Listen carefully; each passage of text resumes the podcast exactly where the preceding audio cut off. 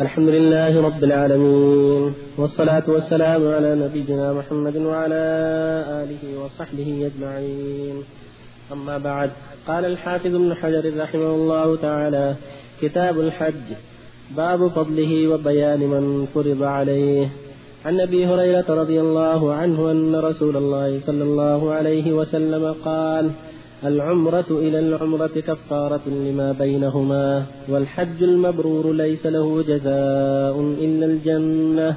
متفق عليه. وعن عائشة رضي الله عنها قالت قلت يا رسول الله على النساء جهاد. قال نعم عليهن جهاد لا قتال فيه الحج والعمرة. رواه أبو داود وابن ماجه واللفظ له وإسناده صحيح. رواه أحمد وابن ماجه واللفظ له وإسناده صحيح وأصله في الصحيح. وعن جابر بن عبد الله رضي الله عنهما قال أتى النبي صلى الله عليه وسلم أعرابي فقال يا رسول الله أخبرني عن العمرة أواجبة هي؟ فقال لا وأن تعتمر خير لك. رواه أحمد والترمذي والراجح وقفه. وأخرجه ابن عدي من وجه آخر ضعيف عن جابر رضي الله عنه مرفوعا الحج والعمرة فريضتان. وعن أنس رضي الله عنه قال قيل يا رسول الله ما السبيل؟ قال الزاد والراحلة. رواه الدار قطني وصححه الحاكم والراجح إرساله. وأخرجه الترمذي من حديث ابن عمر. وفي إسناده ضعف. وعن ابن عباس رضي الله عنهما.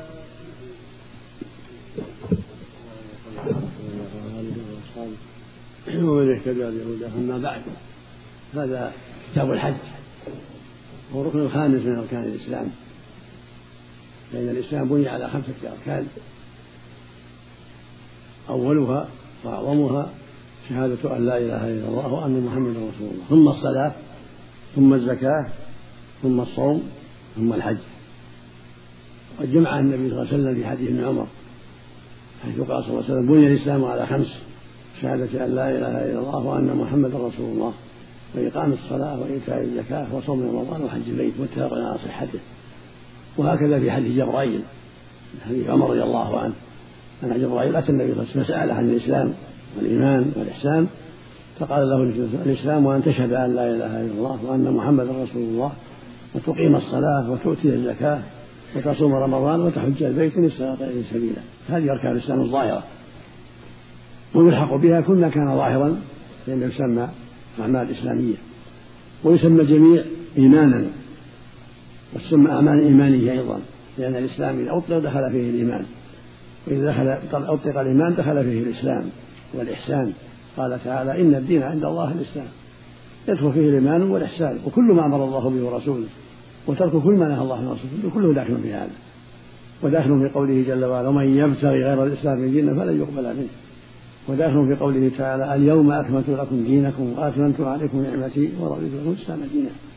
فالإسلام كل ما شرعه الله من الأعمال وترك كل كل ما نهى الله عنه يسمى إسلاما لأنه خضوع لله وذل بين يديه وامتثال لأمره فلهذا يسمى إسلاما.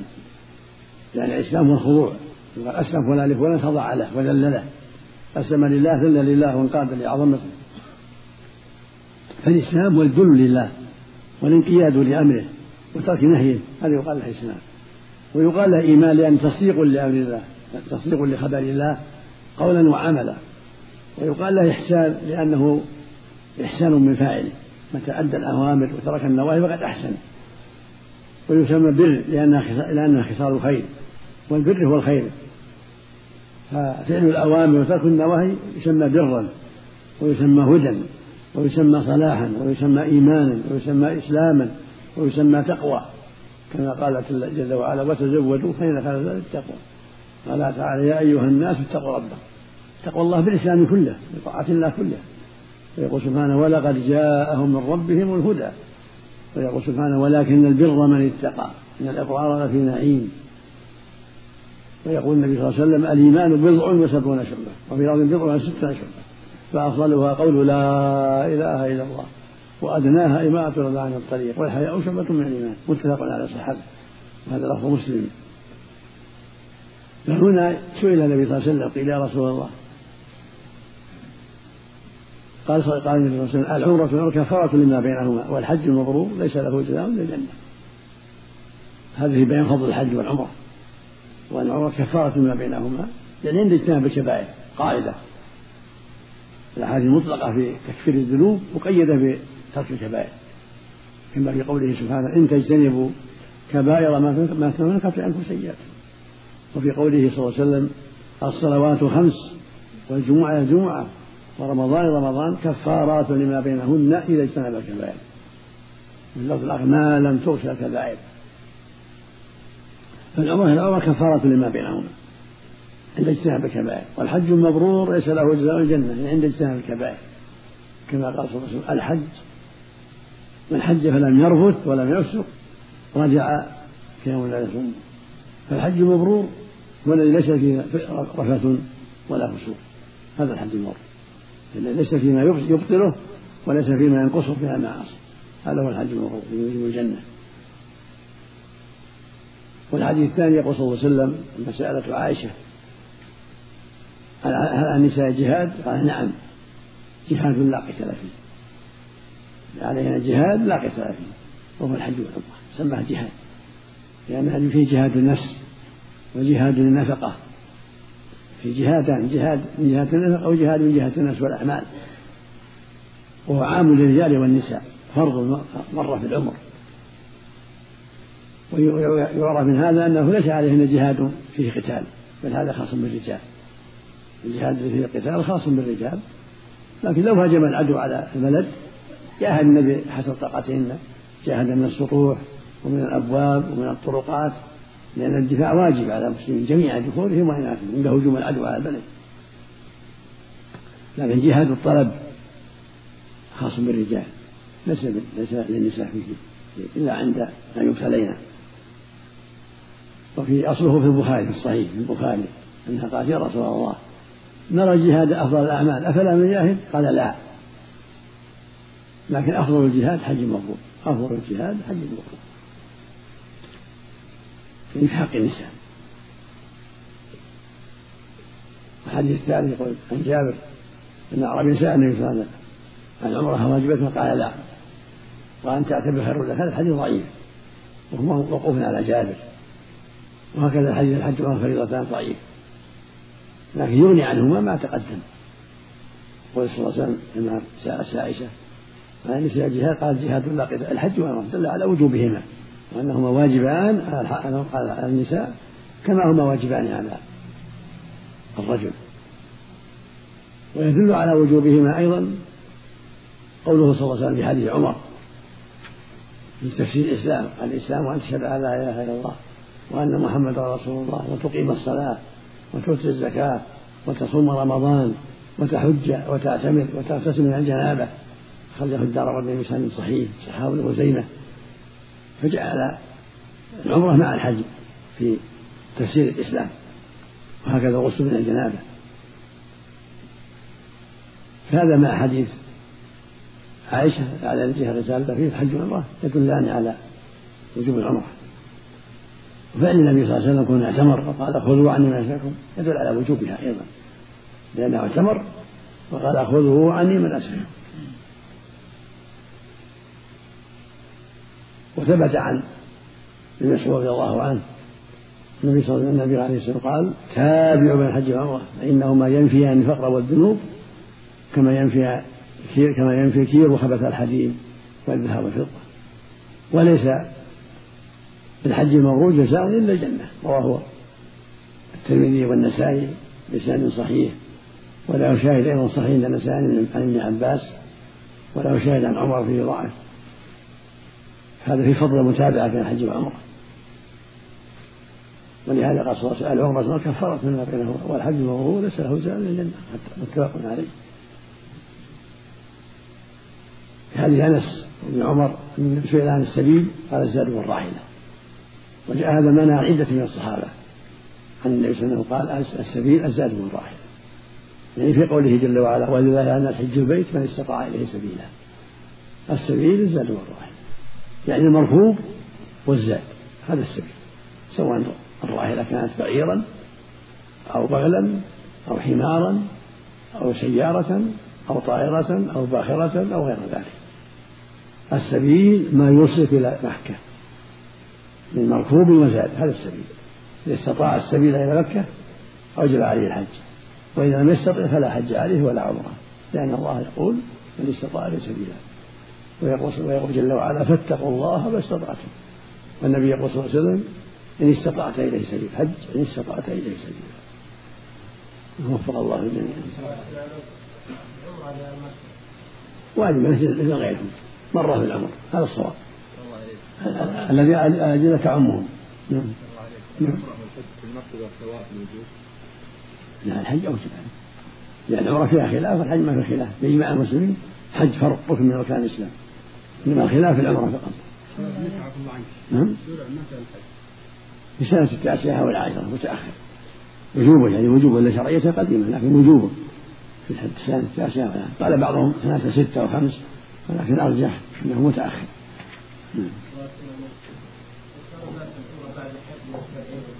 ها؟ لا حرج لا حرج. إذا تيسر ولا في زحمة ولا في أذى مثل ما فعلت عائشة أذن الله النبي واعتبرت بعد الحج مع أنه معتبرة قارنة. ولكن أذن الله وعمرها من التنعيم. إذا تيسر من دون أذى فلا بأس. أما إذا كان زحام وقد اعتمر فالترك أفضل مثل ما ترك الصحابة. تكفي تكفي العمرة السابقة. والأفضل أحسن نعم. الأفضل إذا كان ما في زحام يأخذ 100 عمرة فيما تيسر. ولا ألف عمرة كل ما تيسر مثل ما قال صلى الله عليه وسلم العمرة لو كفارة لما بينهم. هذه عم 100 عمرة ولا ألف عمرة؟ متى ما تيسر؟ بغير مشقة وبغير إيذاء للناس. الله إليك. من أتى بعمرة من أحرم من الميقات وأراد أن يأخذ عمرة ثانية هل يذهب إلى الميقات؟ لا لا تنعيمك ما دام مكة تنعيمك مثل ما أراد عائشة أو عرفة أو غير أو غير ذلك الحل يخرج خارج الحرم بس. ومن قال أن أحسن إليك ليس للسعوديين فقط هذا الأجانب يعني يروحون يعني للتنعيم فقط. السعوديين يحرمون من الميقات. يعني لو السعودية لهم شرع حالهم. يقولون كذا أحسن إليك. يقولون أفتوا قالوا اللي, اللي يقول أجهل من فطر المتعاون أقبل اللي يقول جهل مركب. السعوديين وغيرهم سواء. صلاة العصر الشيخ فهم بعض الناس أنكم تقولون بجواز عيب جهة معينة أو بلد معين أو قرية. لا ما ما ما نقول ما نقول ما سمى غيبة. مع العيب ترك العيب أحسن. ما لزوم يتكلم في عرض في الناس. لكن ما سمى ما سمى غيبة. ما أتوا في قوله ولا يغتب لكن أهل الجزائر عندهم عادة كذا أو أهل الرياض عندهم عادة جزاء أو أهل مكة عندهم عادة جميل زينة ما ما يقع هذا غيبة. فهمت؟ العمرة. إذا قيل أهل الجزائر عندهم فتنة القتال الآن ما يسمى غيبة. الله عليك العمرة وهكذا في الصومال وهكذا في أفغانستان. البعض فهم أنكم تقصدون أن اذا عابهم مثلا أنهم أهل بلد كذا جبناء أو أهل بلد كذا. هذا عادات يتعلق بأمر آخر هذا أمر آخر ينبغي تجنب هذا الشيء يسبب الفتن. ثم أيضا لا قد يقوله كاذب ما يدري عنه فدية عن العموم. ينبغي يحترم من شر لسانه. ما يدخل في قوله ولا يسخر قوم من قوم. عسى أن يكونوا خيرا. يكون على النهي لا السخرية الاستهزاء وهذا يرى منهم هم بخلاء ولا جبناء. ترك هذا أولى لكن كونه يدخل الغيبة هذا محل نظر. العلماء عرفوا الغيبة بأن ذكر معين ذكر إنسان معين أو جماعة معينين فلان وفلان.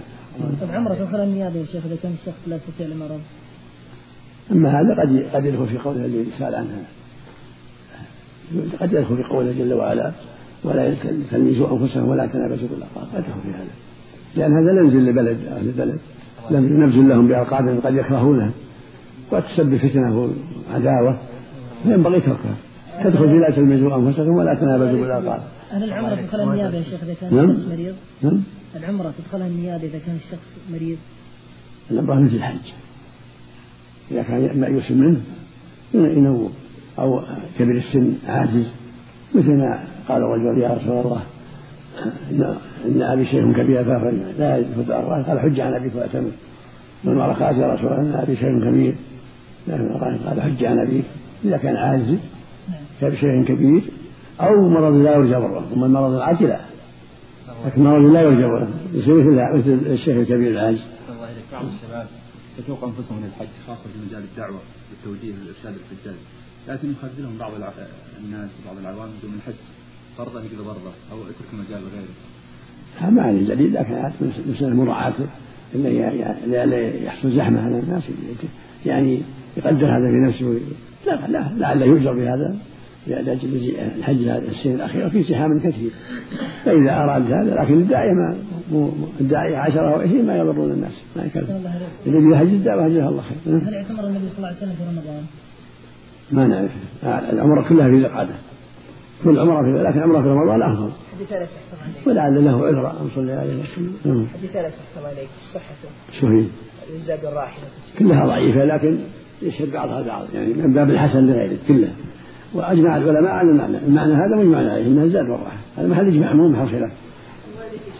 الحج بالمال حرام يفسد الحج أو يصح؟ الحج صحيح ويعدل الحج صحيح ويعدل يعني الحج معظمها اعمال ما لا تعلق بالمال. أعمال كلها أعمال. لكن يعدل على سقط الحرام بسم الله الرحمن الرحيم. الحمد لله رب العالمين والصلاة والسلام على نبينا محمد وعلى آله وصحبه أجمعين. أما بعد قال الحافظ ابن حجر رحمه الله تعالى في باب فضل الحج وبيان من فرض عليه. وعن ابن عباس رضي الله عنهما أن النبي صلى الله عليه وسلم لقي ركبا بالروحاء فقال من القوم؟ فقالوا من أنت؟ فقال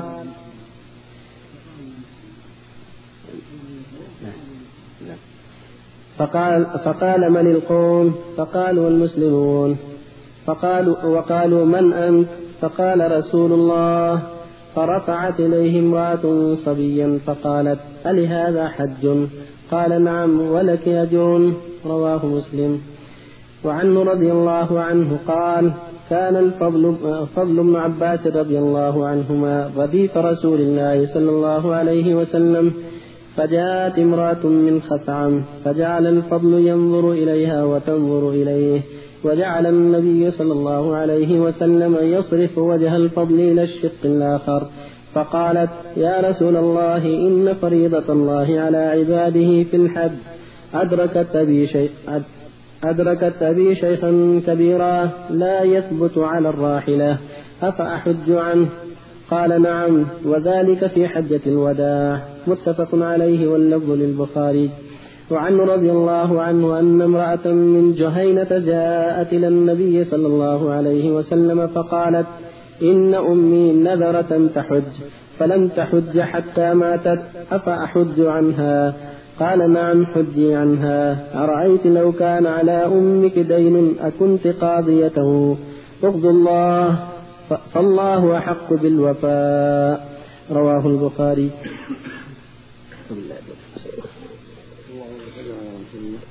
وعلى آله وأصحابه أما بعد هذه الأحاديث الثلاث كلها تتعلق بالحج. حج الصبي والحج عن كبير السن والحج عن الميت. تدل الأحاديث على صحة الحج من الصبي الصغير فيكون نافلة كما يأتي. وعلى صحة الحج عن الشيخ الكبير العاجز يحج عنه ابنه وبنته وغيرهما. وهكذا الحج عن الميت إذا كان عليه حج دين أو حج فريضة يحج عنه أيضا. الحج الأول أن ركبا أن النبي لقي ركبا من روحاء روحاء موضع في طريق المدينة إلى مكة. لقيه النبي صلى الله عليه وسلم هناك. فقال له من القوم؟ يسألهم فقالوا مسلمون يعني نحن مسلمون. فقالوا من أنت؟ قال رسول الله. فرفعت إليه امرأة صبيا فقال ألي هذا الحج؟ قال نعم ولك أجر. هذا يدل على أن لا بأس بالحج عن الصبي الحج عن أمه ولا أبوه. من يتولاه اللي هو معه إذا حج عنه فلا بأس وله أجر. للصبي أجر وللذي يحج به أجر. ولكنه نافلة. ويدل على أنه لا مانع أن يحج عن الصبي أمه أو أبوه أو غيره من يتولى شأنه. وفي صحيح البخاري عن السائب يزيد هندي رضي الله عنه قال حج بي مع النبي وأنا ابن سبع سنين. حج بي مع النبي وأنا ابن سبع سنين. وابن عباس حج مع النبي حجة الوداع ولم يبلغ. قد قال وقد ناهزت الإحسان. يعني لم يبلغ. فدل ذلك على أن حج الصبي الذي لم يبلغ. لا بأس به نافلة. كما يأتي في آخر الباب أيما صبي حج ثم بلغ الحج فعليه حج حجة أخرى. تكون نافلة الحديث الثاني حديث ابن عباس.